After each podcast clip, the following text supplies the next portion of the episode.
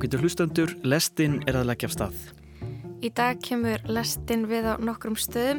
Við förum í undarlegt ferðalag til Abu Dhabi, hlustum á Closing Time með Tom Waits og fáum okkur kökusneið í steipibóði. Þú ert í sameinuðu arabísku fyrstadæmum og þetta er lögreglu ríki. Þú ert núðegar orðin að glæpa manni bara með því að stíga fæti á þetta sandþúra land. Glæpur samkynnsneið það er betra að hlýða. Alveg mögnuð, mögnuð frumraun hjá bara hvaða tónlistamanni sem er en eiginlega, eiginlega sérstaklega merkileg þegar maður veit hvert Tom Waits fór síðan. Hún er alltaf öðruvísi heldur en flest annað sem hann hefur gert sko. henni er réttar gafir og hún opna fyrir framann hópin og allir úa og a einhvern veginn. Hann er svona, hún er svona stilt upp eins og Marju mei eða einhverju svona íkonu svona Ég heiti Jóhannes Ólafsson. Og ég heiti Lofabjörg Björnstóttir og þetta er lastinn mánudaginn 7. mars.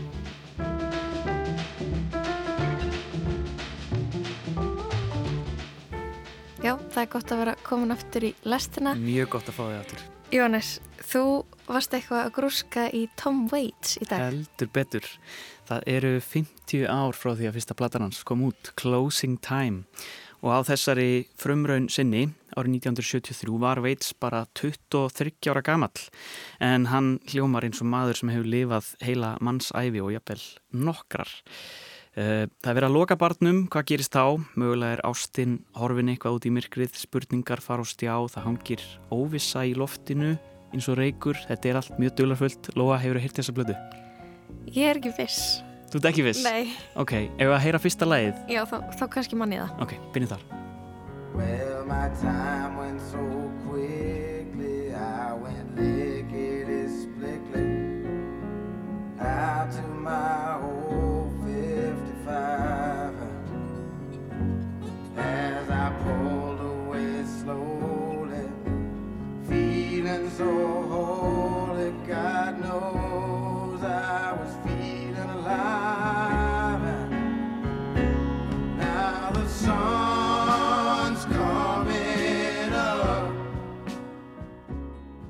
Hinga til minn í lestina er komin Eyvindur Karlsson, tónlistamæður og, og sviðslistamæður. Vertu velkomin. Já, takk fyrir það. Þú ert mikill Tom Waits aðdóðandi, ekki Já, satt? jú, jú. Já.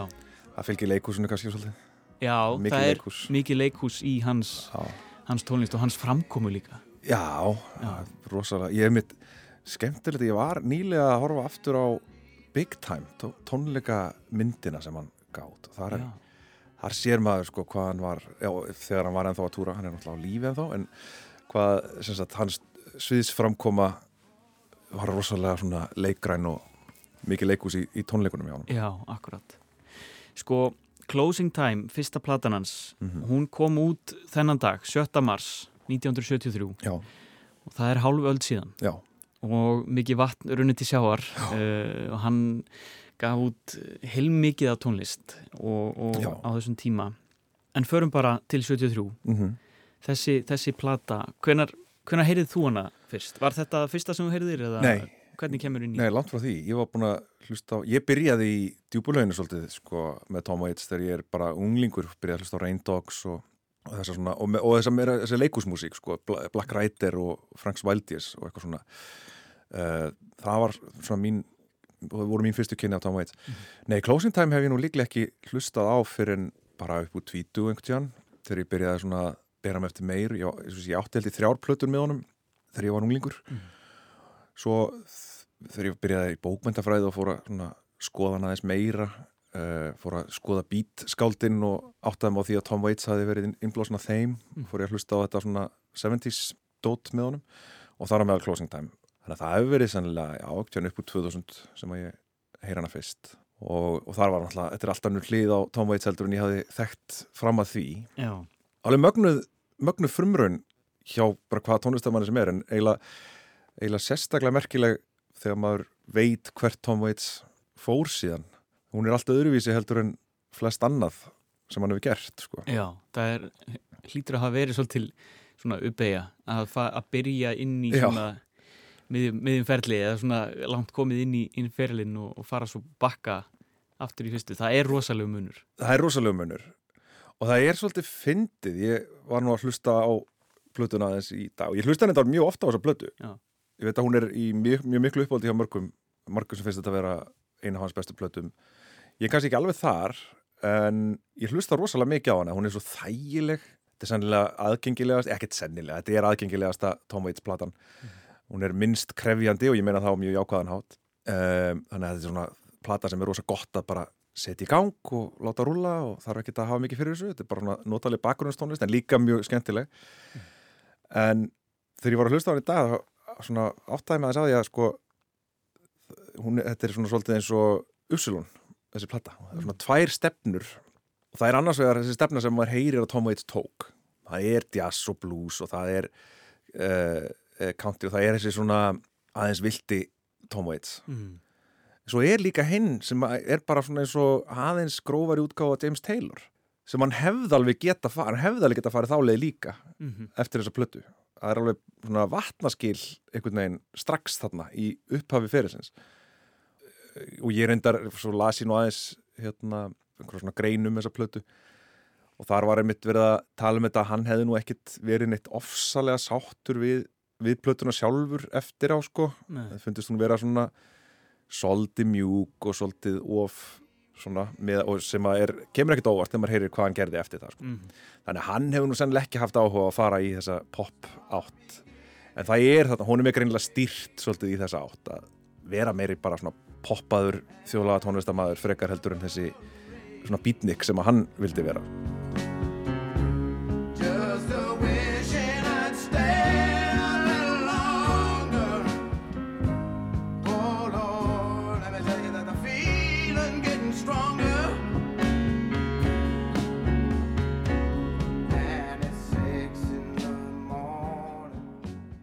Það er eitt sem að hérna, ég hjó eftir að hérna, Jón Stefánsson sem gerði útastætti hérna, eitthvað tíman sko 95 eða 6 Hmm. hann var að, að greina þessa plötu og tala um svona hennan bakgrunn Já. og talaði mitt um beatskáldin og, Já. og hann væri svona en líka náttúrulega alveg innblásin að Dylan og, og þessu sem var vinsælt á þessum tíma Já, já, en hann er það sem að hann segist segir hann vera tímaskekja því að hann er að sækja lengra aftur í tíma Já. sko. já, hann er hann er algjörlega sko á skjön við, við sinn samtíma. Og það er nú einmitt, ef þú spyrir sko hvaðan hann kemur, þetta er náttúrulega bara millistétta strákur. Hann er, ég manna hérna Arnar Eggert og Haugur í bestu plötunni voru að tala um þetta sko þá, fannst það var svona pínu vombrið hann væri ekki einhver sko einhver hérna uh, róni frá Mississippi sko. Þú veist, hann kemur bara fóreldrar hans voru kennarar og hérna ekkit ekkert merkilegt í uppvextinni hjá honum, engin stór áfull eða neitt svo leiði sko ekki drama ekkert, ekkert svona meira drama heldur en bara hjá flestum sko. Já.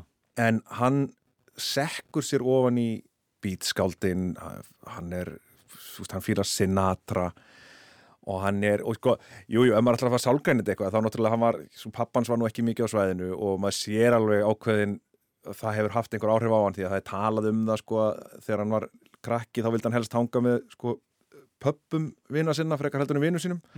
Þannig að það er einhver svona pappa þrá þarna og hann, hann er að svona sækja í þetta sem að pappans hefur vantarlega verið að hlusta á og lesa og svona. Mm. og maður sér þetta alltaf á plötunni. Þetta er svolítið gamaldags hann er ekki og eins og einhver orðaða sko að þú veist, hafi verið svona uppreisn hjá honum sko að vera fyllibitta frekar heldur en hippi. Þess að áfengi var meiri uppreisn heldur en LSD sko. Já. og hérna og það er alveg augljóst mál þarna, þú veist, þetta, minn, þetta er 73 hann er að byrja þarna í kringum 70 að, að gigga og semja tónlist og svona. Og hann er greinilega alveg sko, á öndverðu meði við alla á hans aldri sem eru í þessum hippa dæmi, ég menn hann er bara þarna um tvítugt, hann er fættur hvernar, 49 49, já.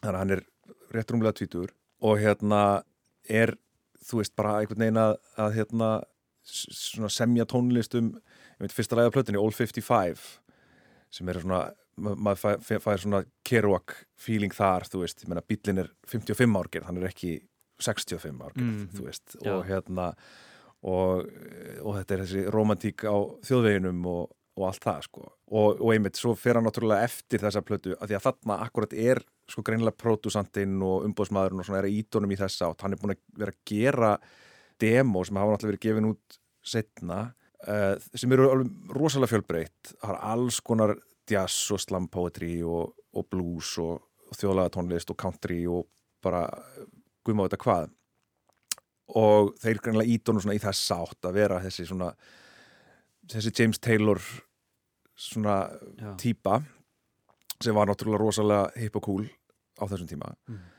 en hann, maður sér það þú veist, síðan skiptir hann um pródusant og, og fyrir að gera eitthvað sem hann er langa meira til að vera að gera á plötu nummer 2 sem er miklu meiri jazz og blues og, og svona fyrir meira í þessa beat skálda átt sko. þannig að maður sér það svona hann hérna, hann er með einhver svona nostalgíu og auðvitað er, er það alveg mjög ábyrjandi á þessari plötu sko.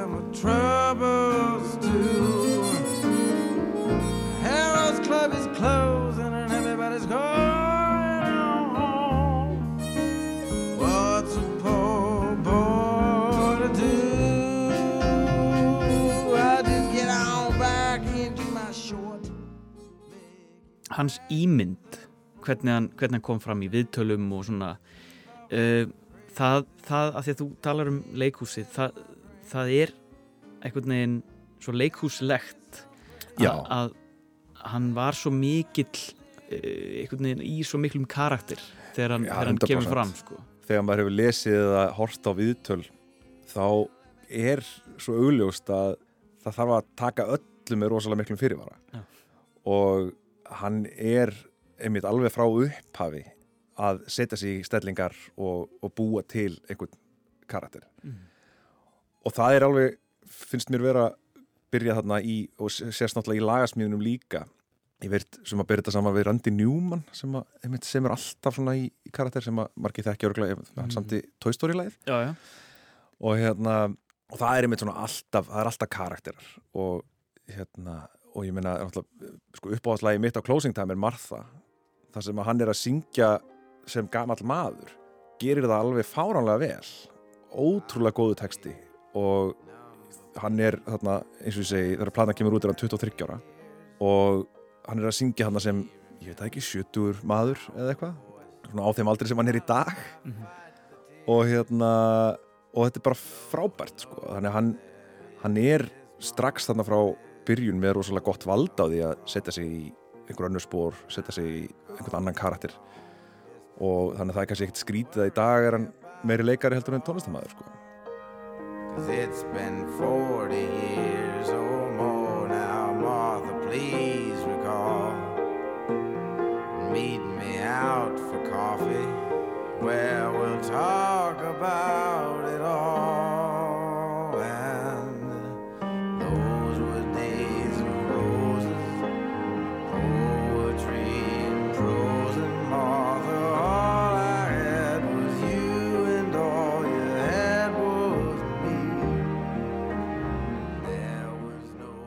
Hann er 23 ára á 24. ári Já. þetta er kornungu maður Já, og bæði sko inntak textana er svona, þú veist, hann er, hann er leitandi og hann er að prófa, prófa sig áfram um, en hann hljómar eins og maður sem hefur lifað heila mannsæfi og jafnvel meira já, já, já.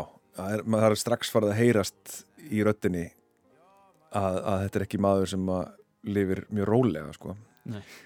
Og þessum þess að ég segi sko, hann er alveg að hann, þetta er ekki bara leikaraskapur sko. og náttúrulega auðvitað er röttin þarna náttúrulega bara dúnmjúk með það sem hún verður setna á ferlinum hjá honum hann hefur, það hefur verið sagt og hérna, hann hafi verið svolítið gamall fyrir aldur fram sko. mm. og hérna og maður heyri það alveg og eins og ég segi, Martha er frábært dæmi um lag sem er bara ofsalega þroska texti en mér finnst samt líka vera ábyrrandi á þessari plötu að hún er líka rosalega ung Ma, maður heyri líka á köflum að þetta er ungu maður.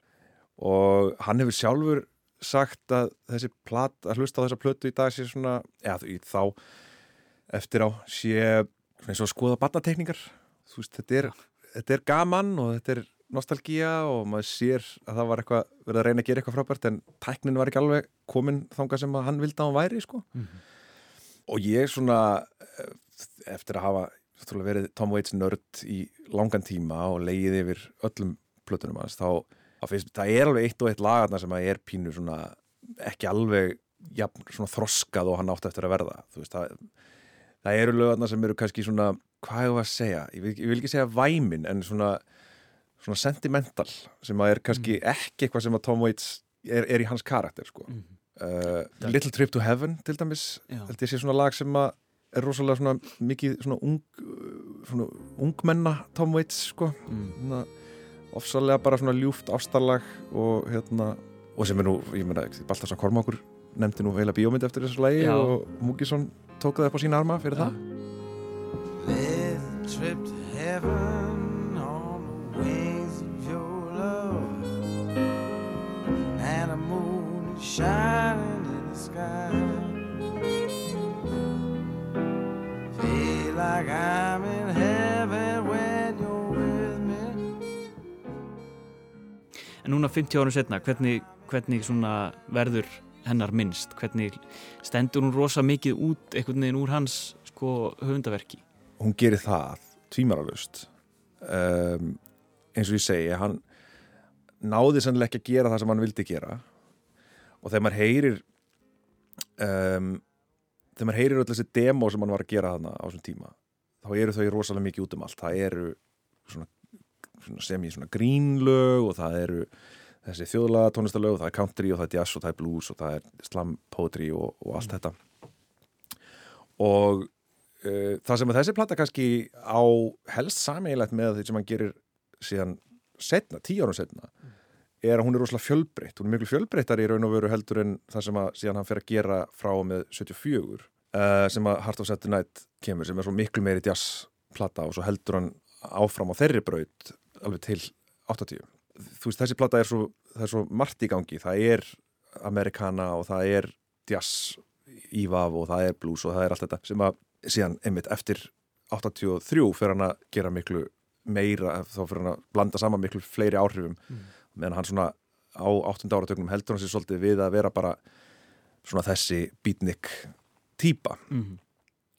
það sem að mér veit kannski enginn þessa plötu er einmitt að hann hefur kannski ekki haft eins mikið um hann að segja og hann hefði viljað að því leiti að sko Uh, ef maður hlustar á þessi demo þau eru úr svona alls konar áttum og svona það, þetta líkta svolítið þannig að einmitt umbóðsmaðurinn, pródusantinn hafi sest niður og eflust ég mikið ekki nú ráð fyrir að hann hafi haft eitthvað með það að segja en þeir hafa svona einhvern veginn valið bestu lögin af þeirra mati og raða saman bara plötu sem var samansapn af rosalega sterkum lögum Mm. sem hún er, þetta eru mjög sterk lög og, og fyrir sko 23 ára gamla mann þá er þetta alveg fyrna sterk plata en svona mér grunar að ef að hann hefði haft meirum þetta að segja þá hefði kannski lagavalið á henni verið aðeins öðru vísi að, því að það hefði kannski verið svona, hann hefði kannski haft aðeins aðra hluti að segja heldur en þeir sem að svona meirum þetta meira, hefðu, hefðu hönd í bakka þarna sko. Eins og er svo oft með tónlistamenn. Já, já, ég hef sérstaklega náttúrulega, ég meina þetta er ungu maður og, og hérna, stíga sín fyrstu skref í bransanum og, og hérna, þú veist, umbósmaðurinn hans var, hérna, var umbósmaður Frank Zappa og svona, þetta hefur verið frekar mikið mál Já. og hann, hann var einmitt, sko, fyrsta, fyrsta tónleikaferðin hans var að hita upp fyrir Frank Zappa þar sem hann var yfirleitt búaður á sviðinu Mm. en ég get alveg ímyndið mér að það hafi verið pínu erfitt að vera Tom Waits á þessum tíma, sko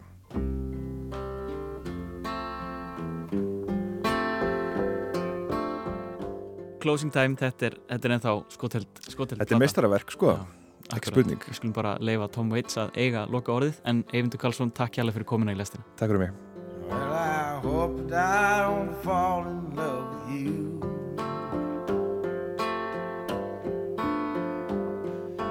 Falling in love just makes me blue. Well, the music plays and display your heart for me to see. I had a beer and now I hear you calling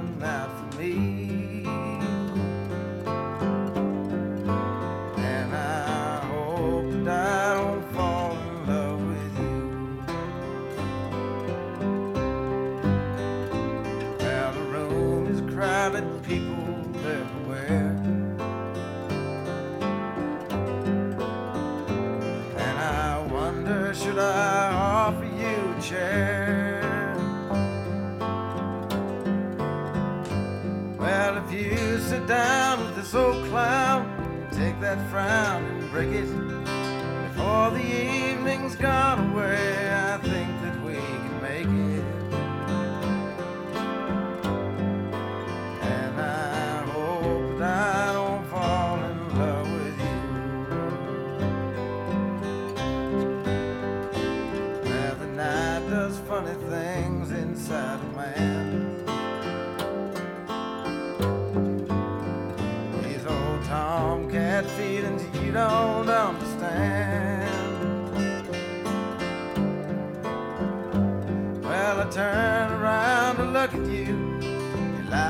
A cigarette. I wish I had the guts to bum one, but we've never met.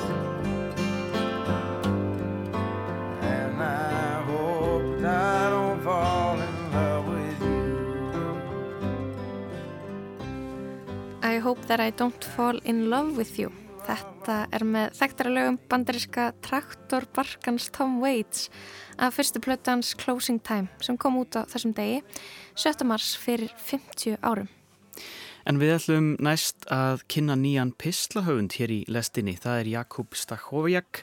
Hann ætlar að fara með okkur í ferðalag til Abu Dhabi á undarlegum tímum þar sem PCR-próf og rakningar úr koma við sögu. Ferðalag sem hljómar svo litið eins og vísindaskaldskapur. Gefum Jakobi orðið.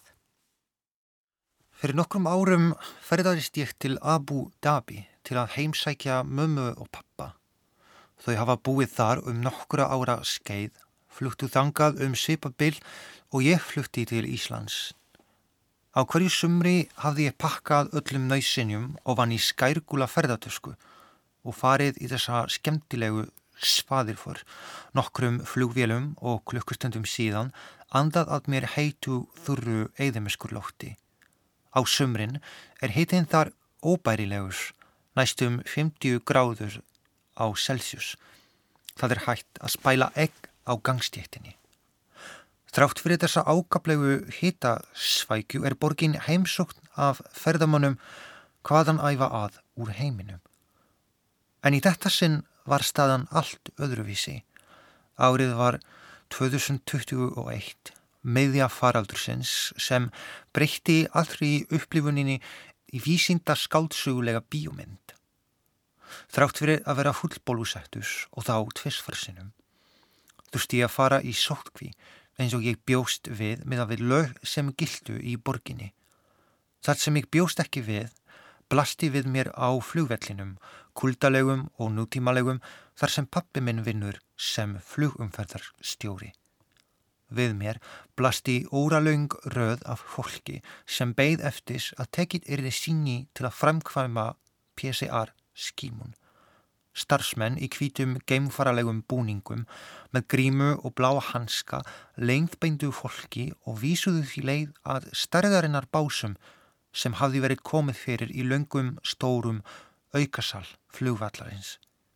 Eins og öll hinn beigði ég í röðinni, byðin ætlaði yngan enda að taka, þanga til að ég kom að síðasta básnum. Þá var mér tilkynnt að nýðurstaða skimunas væri neikvæð og lengt yfirfofandi sokkvías erði tíu dagars. Haskalegur starfsmaður stóð fyrir framann mig með lítið kvít boks sem hann opnaði. Inni í ílátinu var svokallaður tracker sem leitt út eins og rafúr, ekki ósipað þeim sem ég hef séð fanga ganga með í bíomendum. Starfsmaðurinn tók rafúrið upp úr boksinu og skrufjárn og benti mér með handarhreyfingu að rétta fram hönd. Andarstak hikaði ég, svitadrópar perpluðu á einni mér. Í huga mínum bergmálaði eru þið ekki að grínast. Það er engin leið að ég ætli að ganga með þetta tæki á mér eins og einhver glæpamaður í sci-fi bíumind. Þegar orðin bergmáluðu hljóðlega út úr sáluminni tók önnur röð við. Þú ert í sameinuðu arabísku fyrstadæmum og þetta er lögreglu ríki. Þú ert núðegar orðin að glæpa manni bara með því að stíga fæti á þetta sandðura land. Glæpur samkynnsneið. Það er betra að hlýða. Foreldrar þínir eru að býða eftir stjess. Ég kingdi þunglega og réttri fram hægri hönd. Starsmaðurinn skrúfaði rafúrið á mig án þess að segja orð og stuttur síðar var ég komin undir hlýjan vang fóreldra minna. Við stígum inn í bíl og kerðum í útkverfi borgarinas skand frá flugvellinum.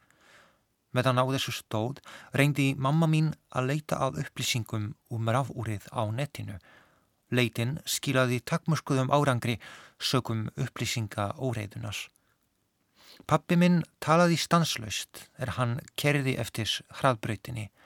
Ég þagiði, horfiði út um gluggan á eðimeskur tunglið vaða í skíunum, fangi í ókunu landi. Þegar við komum heim stefni ég beint í rúmið en það döð þreyttur eftir langt ferdalag en eitthvað stoppaði mig. Ég fór að glugganum í svefnherberginu og opnaði hann, horfiði áfram á sandgúla mánan brosa til mín eins og ekkert hefði í skorist. Þá herði ég öskur jalla, jalla sem á arabísku þýðir kondu, kondu eða áfram, áfram. Það var áleiðið, klukkan gengin maskt, kannski þrjú að nóttu til, samt öskraði einhver úti í eidumöskinni jalla, jalla. Ég stóð og hlustaði dágóða stund, áttaði mig síðan á að þetta voru arabískir drengnis að kasta bolta sín á milli í ástriðu fullum leik. Ég stóð en lagði samt við hlustis, hlustaði á þetta frumoskus og gæti ekki annað en hugsað að svona, einmitt svona, hliti frelsið að hljúma. Það kalla til manns björstum barnarómi jalla, jalla úti í nóttinni. Öskrið er bóð úr miskri í ljós. Dæn eftis vaknaði ég en með rafúrið skrufal fast á unliðin Það var nokkuð þungt eins og mannshofud fullt af nýttumum hugsunum. Eftir morgunverð sagði mamma mín ákveðin við þurfum að finna út úr þessu. Hún fann tilfallandi símanumess á vefsíðu Helbriðis ráðuneytis Abu Dhabi og hringdi. Það eina sem við vissum á þessu augnablíki var að ég þurfti að vera með úrið áfast í tíu daga og mætti ekki yfirgefa húsið. Hún hringdi og við byðum í dágöða stund og ég gætt varla trúað mínum einn eirum í stað tónlistarinnar sem venjulega er spiluð á meðan á byðinni stendus í svona tilvikum glumdi í íbúðinni ræða Sheikhs Rayet, föður þjóðarinnar. Eftir tilfinningaríka ræðu á arabísku svaraði okkur veikleg heikandi kvensmannsröð sem útskýrði fyrir okkur að ég þurfti að fara í skímun eftir sex daga sótkví, senda yfirvöldum nákvæma staðsetningu mína í gegnum WhatsApp og mætti ekki fara út fyrir húsins dyr. Ekki einu sinni með ruslið, bætti hún við, annars þurfti ég að borga nokkura þúsunda dirhama sekt. Ef þú færir út án leifis, sagði hún, þá byrjar úrið að gefa frá sér skerandi pípljóð. Ef þetta gerist þrísvars, þá þarfstu að borga settina. Eftir þessa yfirþyrmandi upptalningu þakkaði mamma mín fyrir og lagði á. Ekkert okkar, sagði orð. Þetta sumar var dvöl mín í Abu Dhabi frekar viðburðalítil og einsleit. Ég hekk heima hjá mömmu og pappa með rafúrið um unliðin eins og hlýðin unglingur. Þegar ég kom heim til Íslands held ég áfram starfi mínu sem hjólapóstur. Einn sólríkan dag var ég að bera út í Hafnarfyrði í hverfi einbílíshúsa en margir lágu úti á sólbekkjum í görðum sínum og nútu bliðunas. Einn þeirra var kona sem lág halvnakinn fyrir framann húsið þitt. Ég gekk til hennars með bref í hendinni en hún resti sig lítið eitt og skipaði mér ákveðnum rómi Þú mátt ekki koma nálægt mér. Ég er í sokvi, settu brefið bara innum lúna. Mér var hugsað til rafúrsins sem ég hafði gengið með í útlöndum. Mig hrylli við. Frelsismunurinn var sláandi. Um jól og áramót ferðadist ég afturs til Abu Dhabi, borgar hraðbrauta, moskna og storra versunar með stöðva í þetta sinn sem veriðist í takmaskalausum heimi. Einn dag vorum við pappi minn að rölda um versunar með stöð þegar ég sá yfirgefna skimunar bása í einu horninu. Grimar áminningar um veröld sem var og mun afturs verða. Jakub Stakoviak saði frá vísindaskáldsögulegu ferðalagi sínu til Abu Dhabi og við fáum að heyra meira frá Jakubi fljótlega hérna í lestinni. En við ætlum að snú okkur að allt öðru. Við ætlum að kynna okkur nýlegan sið hér á Íslandi sem virðist hafa fest sér í sassi undanfærin áratug, svo kalluð steipibóð.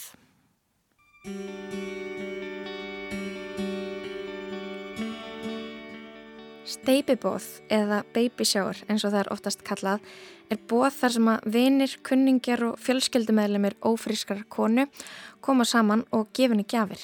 Á Íslandi týðkast að svoleis bóð séu óvænt.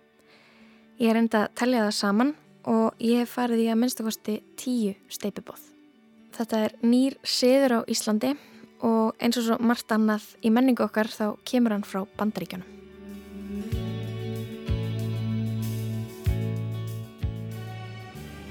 En hvað eru þessi bóð og hvers vegna höldu við þau? Eru þau til þess að umfaðma verðandi móður og óskenni góðs gengis í nýju hlutverki eða eru þau enn eitt tilöfnið til þess að kaupa meira barnadót? Þó að ég hef ekki sjálf barn eru mikið af félagslegum skildum mínum farnar að snúast um börn. Ég upplifi stundum mótþróa gagvart því að þurfa að setja mig inn í hvaða hlerunartæki í vagnin sé best að eiga og hvort vinkonu mín eigi brjóstakjafapúða eða hvort við eigum kannski bara gefinni þannig. Uh, hvað með meðgöngujóka? Eigum við að sapna í púk og gefa tripp-trapp-stól eða kerrupóka? Hvað er babynest? Hvað er neonate? Og af hverju kostar þetta allt svona mikið?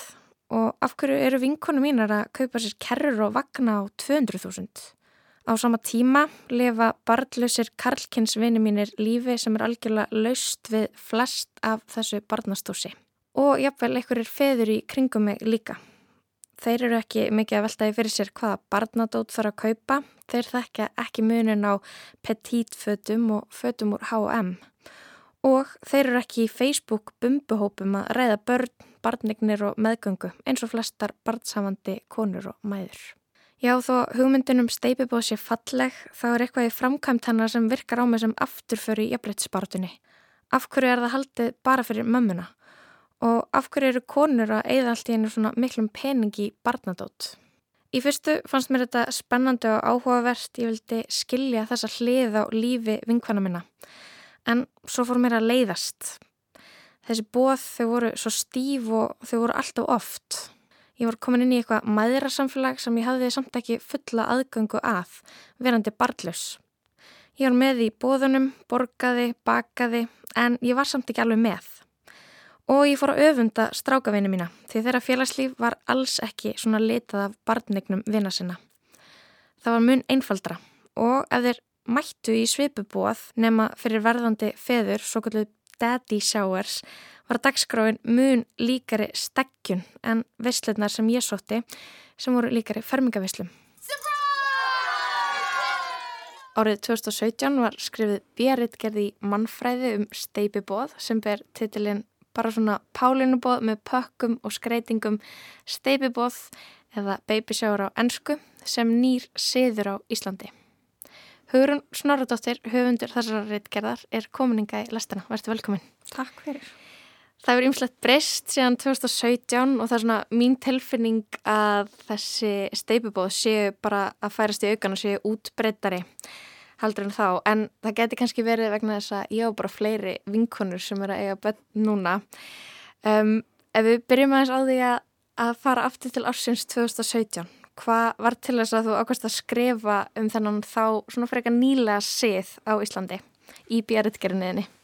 Já, sko það er góð spurning. Þetta er hérna, þetta, þetta eiginlega stuðaði mig held ég smá að allt í hennu væri bara komin svona steipubúð um allt og þá kann eiginlega engin rödstutt almennilega af hverju verið að vera að halda þetta. Þetta er bara svona einhver, einhver, það hafa bara byrjað og svo bara gert allir. Mm. En það var einhvern veginn engin svona, þetta er kannski bara eins og síðir eða hefðir þegar það er að byrja, þá kannski eru þau svolítið svona...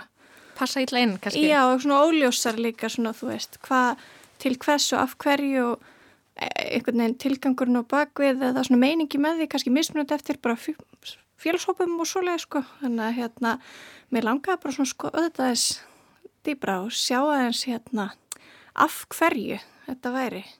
Af hverju heldur þú að það, þess að séu ekki fleiri búinur að skrifa um þetta fyrirbæri og pæla í því? Það er svo mar margir áhuga að vera vinklar í því. Það er bæði þessi neysluhyggja, það er þessi feministki vingill um, en svo er þetta mitt bara eina reitgerðin sem er finnurinn á skemmunu um steifibóð. Sko er þetta ekki svona klassíst svona hvern hérna svona mjúkt topic eða hérna umfyllunræfni mm. eitthvað sem á sig bara staði svona ákveðnum hérna hvern hópum og þess vegna er þetta ekki kafað onni þetta. Mér finnst það allavega tilfengi mín líka þegar ég var að leita fræðefni hérna ennsku um þetta og þetta hérna var eh, kannski einmitt eh, skora ekki droslega hátt í hérna fræðilegri fræðilegum tilvinnum í þessari reytgera því það voru bara ótrúlega fáar hérna greinar eða bara hérna bækur eða kaplar eitthvað sem fjalluð um þetta á svona fræðilegan hátt. Mm -hmm, einmitt. Ef við tölum að um þennan sið eh, sem verðist einhvern veginn fyrst hafa almennilega náð flögi á Íslandi fyrir svona tíu árum eða þá ef svona ef markam á leitin á tímaritt.is þetta er bandarisk hefð. Hvernig breytist hún svona þegar hún kemur til Íslands? Hún er, það er nefnilega áhugavert af því hún breytist alveg, hún er íslenskuð, hún er aðlöfuð hérna íslensku samfélagi, hún er ekki tekin beint upp bandariska hefðin svolítið yktari, hún er hérna snýst miklu meir um gafirnar, þannig að þetta er alveg svona veist, þetta eru stórar veslur þar sem að móðurinn tekur þátt í undirbúningnum, hún sér um að þú veist, hérna er gerður bara hérna mætingalisti eða hérna og gafalisti líka hvað er á óskalistanum. Þannig að þetta er svona miklu starra um sig þetta er miklu svona meira neyslu hérna, neyslu tengdara og svo í bandarísk líka sá ég að það var hérna í bandaríkunum þá stundum svona skreittur stóll og hérna hásæti, hásæti sem móðurinn láti mm. sitja í eða verðandi móðurinn og svo eru opnar gafir, hún, henni er réttar gafir og hún opnar fyrir framann hópin og allir úa og a, eitthvað neina, þetta er svona, hún er svona stilt upp eins og Marju mei eða einhverju svona, hérna, einhverjum íkonu svona. Og hérna, en á Íslandi verist þetta að vera meira bara svona saumaklúpskendar, þetta er lástemdara, þetta er svona Pálinu bóð, eða það fyrir náttúrulega eftir útfæsli, menn það verðist vera mest svona, þetta er bara hóa saman, vinkonur, mismundi vinahópar, oft maður, eh, hérna verandi móður og hérna ættingjar, kvenkins og það er oft púka saman í eina svona praktiska gjöf eða eitthvað svona hagnýtt gert eða stundum með móðurni gefið eitthvað degur. Það sem verðist vera svona mismunir líka á íslenska og bandarskeira á Íslandi er þetta mjög svona á þetta alltaf koma óvart. Móðurinn, verðandi móðurinn er þá svona lokkuð á fölskum fórsendum í hérna eh, út úr húsi og til þá á óvæntan stað og þar taka surprise hérna vinkunur og kvenkinsættingir á mótunni. Mm -hmm. Þetta, þetta týðkast ekki bandaríkjánum neitt sérstaklega Nei, mikið? Nei, verðist ekki vera sko, ekki jafn mikið og hérna, þannig ég veit ekki hvort að við sem eitthvað svona að blanda saman einhvern bandarískum hefði, ég veit ekki að því þú veist í bandarísku svona popkultúr þá er það svo mikið um svona óvænt surprise amali og hérna viðburði mm -hmm. en hérna verðist ekki vera jafn mikil áherslu á það, það verðist vera móðurinn, verðandi móður í bandaríkunum er þá meira leggja áherslu á þú veist, gafalistana því að þá, þar er þetta kannski meira svona praktist, þú veist, mm -hmm. að hérna tikka í já, hennar langa lista af hlutum sem að þú þart og, og þart ekki að eiga fyrir komandi barn en hérna er þetta meira kannski félagslegt sko.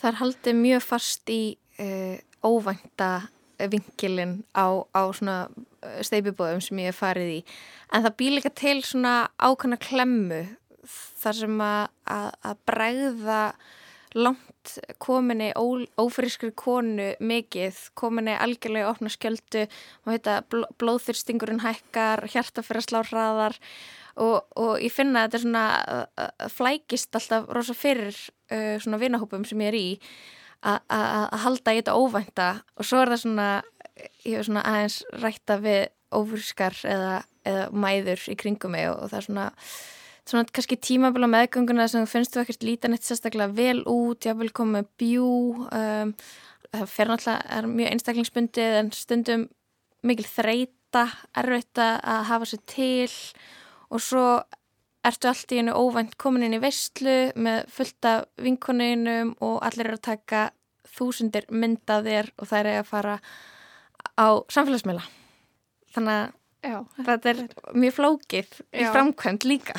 Þetta er, hérna, já, og ég man allan eftir einmitt að ég pelti svolítið í í rítgerni og við meldum nefndið eitthvað svona að, hérna, þú veist, beðin líka, mun ég fá babysjáður eða ekki, þú veist, er þetta... Það verður óþægileg, það verður óvið sem því að félagslegu stöðu, bara komin, kannski stitt, stitt, fyrir að stittast í daginn sem barnið á að koma já. þú veist ekki mann að fá að vestlu og allt einu bara, já, ég enga vinkonur. Já, þetta er nefnilega getur verið flóki og það er kannski eitthvað svona það sem er að því það er engin uppskritt fyrir þessu verist vera svona orðin alveg svona formföst. Og það er annað í þessu sem hefur líka svona gert útfærsluna þessu flóknari er að það týðkast nú þegar fyrir á Íslandi að gefa sangjugjöf þegar það er komið í heimsókn og barnið er nýfætt og svo skýrnagjöf eða nafnagjöf þegar barnið fær nafn þá er allt einu þriðja gefun búin að bætast við. Og þá er allt einu já, fullt að gefum sem að fólki kringum barnið þarf að gefa.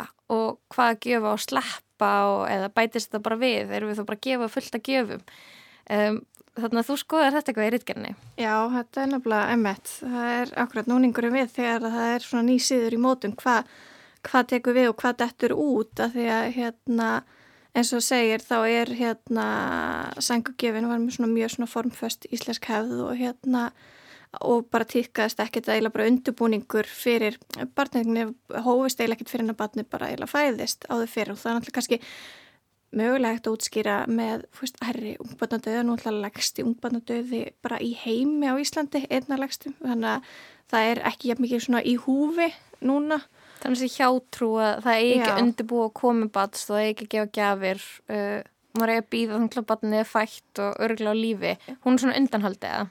Verðist vera allan hjá yngri kynnslöðum og svo akkurat, þú veist, eins og í reytkina eh, tölur viðmældur um að þú veist, eh, eldri samstarfélagar og kannski, þú veist, ættingjar skildun og ekki alveg hvað vera að bæta akkurat annar er gjöf við og akkur er verið að gefa svo mikið ára barnið er komið og veist ekkert hvað getur gerst. Já, tala einn viðmæld um það, þú veist, kannski núna væri það frekar steipubóðskjöfin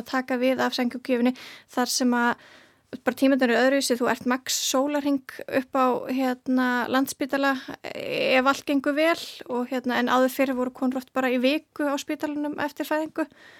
Um mitt sko hvað er verið að gera í steipubóði þetta er eitthvað svona umbreytingaferli sem er að eiga sér stað. Hvert er eiginlega gildi þess að koma saman og og, og svona hugsa upp það og fagna því. Sko að nefndi, hérna, einn viðmeldin talaði mjög fallega um þetta í íslenska hérna, formatinu að hérna, þetta væri svolítið eins og vingunuhópunin væri að senda, bara gefa og gefa og svona senda þig áfram í veist þetta nýja hlutverk sem þú ert að fara að taka við það er svona kannski með því að standa þessari aðtöfn hérna, og undirbúana og hitta þig og bara veist, bjóða þér alls konar veitingar og gefa þér gjöf þá er svolítið verið að segja, heyrðu, við erum hérna fyrir þig, við erum, þú veist, við bara stöndum með þér sama hvað og við bara hlökkum til að sjá því í nýju hlutverki mm -hmm. sem að mér var svolítið fallegt og kom mér alveg óvart að því það var kannski ekki alveg það sem ég hafi hugsað uppröðlega þegar ég fór að skoða þetta efni að því, já, maður sá svolítið mikið með svona neslu hyggju hlutana þessu. Einmitt, sko, þannig að það gerast alltaf á Íslandi sko þegar við tökum upp bandaríska siði eins og bara já, ef maður fer að halda upp á valentínsodaginn eða emitt, bara halda steipibóð að það er eitthvað neginn, virðast vera eitthvað neginn tvö ólík sjónum með þarna, það er annars vegar bara okkur ekki að nýta hvert tækifæri til þess að fagna og, og glæðjast og gera okkur dagamun. Uh, þetta er bara, bara skemmtilegt, það má bara hafa gaman. En svo er svona hinliðin á þessu sem er svona aðeins gaggrítni þegar við tökum upp nýja siði þeir passa ekki endilega inn. Alveg eins og steipubóð passar ekki alveg inn í e, þá siði sem voru fyrir eins og bara við vorum með sængugjöf og, og skýrnagjafir og, og núna var bara bætast við þriða gjöf. En svo er það hitt sem kannski ég held að hafi verið kannski svona flækist mér að fyrir mér sem er í rauninni bara það, það hefur átt sér stað mikið jafnbryttsparta á Íslandi þar sem að það er barist fyrir því að meit konur, konur og kallartaki kallartaki lengra fæðingarólof og séu meira með börnin og séu meiri þáttakandur í uppeldinu og, og þetta séu, séu foreldrar sem alveg bart saman og, og séu saman í þessu.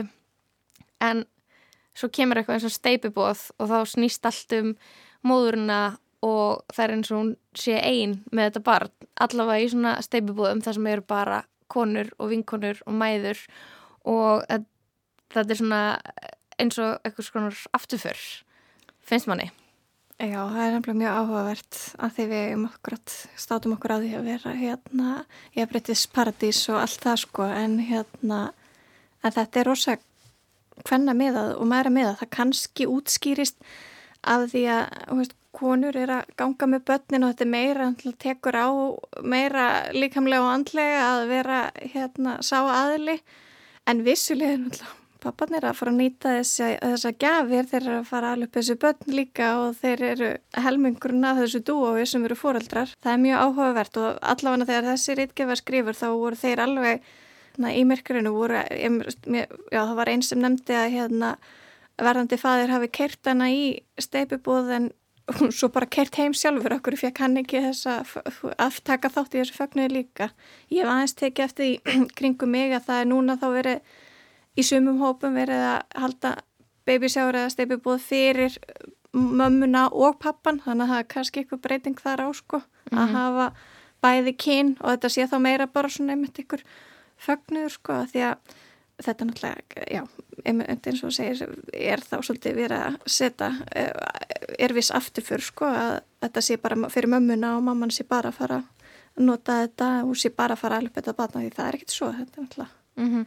En þú uh, talar eins og um í rittgerðinu að möguleg útskýring á þessu er að, að, að þetta er náttúrulega bara steipibóð eru bara svona að, í rauninni einhvers konar saumaklúpur sem að týðkast í svona hvenna vinahópum á Íslandi en það fettur ekki alveg vel inn í félagslega samskipti Karlmanna.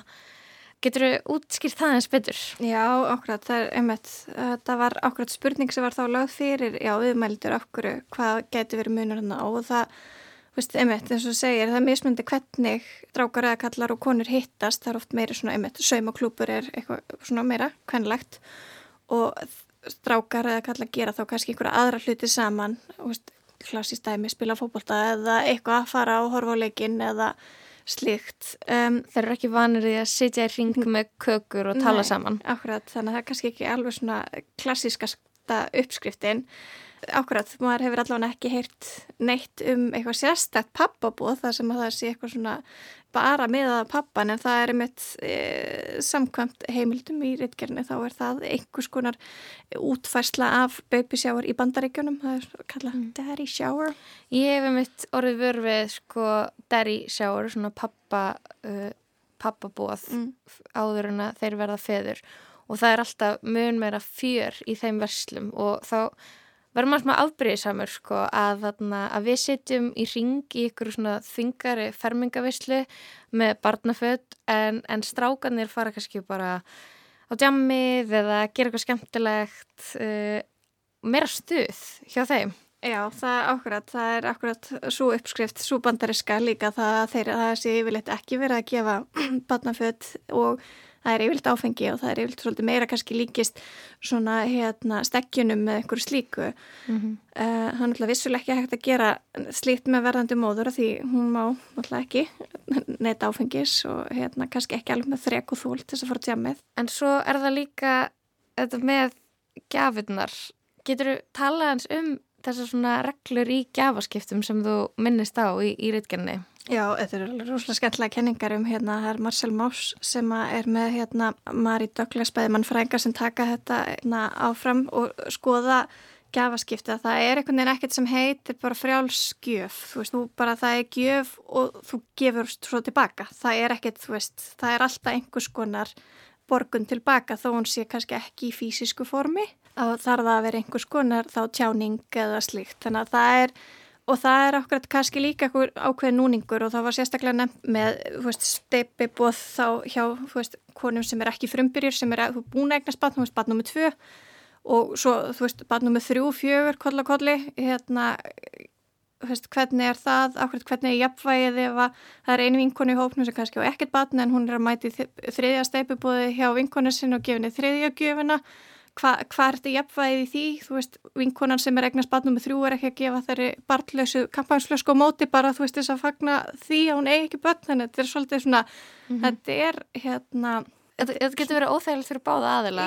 Bæði manneskjöna sem er að þykja fleiri gafir heldur hún hefur tækið fyrir þess að gefa tilbaka og manneskjöna sem finnst henn alltaf vera að gefa gjöf á þess að fóka tilbaka. Akkurat, þannig að þetta er svona, þú veist, þetta er svona núningur, þetta er svona áhugaverður svona samfélagslegur eða félagslegur núningur, það sem að maður svona, það er ekki, að því það er ekki skýrar reglur um hvernig þú getur, einmitt, gefið 100% tilbaka, ég menn í bandaríkjum þá er ofta eitthvað svona, hérna, setur móðurinn í, hérna, drotningastólunum og tekur upp gafir og, og sínir viðbröð og, og skrifar svo handskrifa þakkað bref, veist, kæra þakkir þú fyrir að gefa mér þessa x-gjöf. Mm -hmm en hér er það miklu ómótara og óljósara þannig að þetta er einmitt mm -hmm. einmitt en það er sko það er, það er svona annar vinkil í sem með sko já, munin á milli svona aðkoma að kalla á hvenna að barnegnum að þá legur það líka út í þessi félagslegu samskipti að allt í einu eru, eru barnleisar konur orðinar uh, sérfræðingar í ykkur um kerrum og þurfa að fara að velta fyrir sér kerrupókum og svo þurfa að vera skipulegja barnas steipibóð og, og baka fyrir það og svona fall, falla alls konar skildur á þig einfalda bara vegna þú úr kona í konu vinahóp og þarf þetta, já, hugsa um alls konar hluti á þess að vera endilega móðir eins og. Mér finnst það að vera annar svona, það að vera auka lag í þetta að, að konur þurfi sífælt að vera að tala um mærluturkið og, og börn og, og halda visslur og bóð. Já, þetta er, ætla að segja eitthvað fjörðavæktin eða eitthvað slúleis. Fjörðavæktin að skipla ekki steipibóð. Nei, að því að þetta er mjög áhugavert að líka bara, ég nú er ég móðir og þetta stuðar mig en, en ég líka þáttakandi í þessu að þetta er bara markasfræði bara að hérna ná að toppa sig að því að einhvern veginn, þú veist, er einhvers konar samfélagslega svona, ég veit ekki, ósannlega pressa, kannski bara pressa frá maðurum innan frá sér að, að ef að batnið mitt er ekki þessum vagnir þá er það ekki... Þú rennur það ekki nóg mjúklega niður göttuna. Akkurat, þannig að... Hörun, takk er kella fyrir komuna í lestina, takk fyrir að koma og tala um um steipibóð. takk fyrir mig.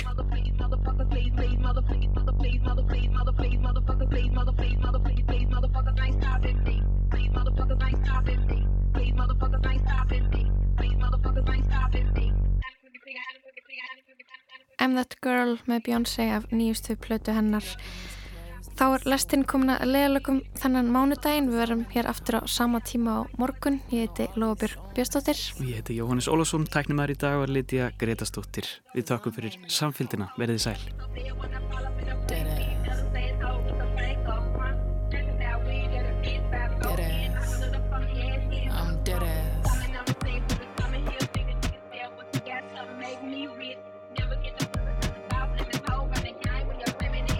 It's not the time.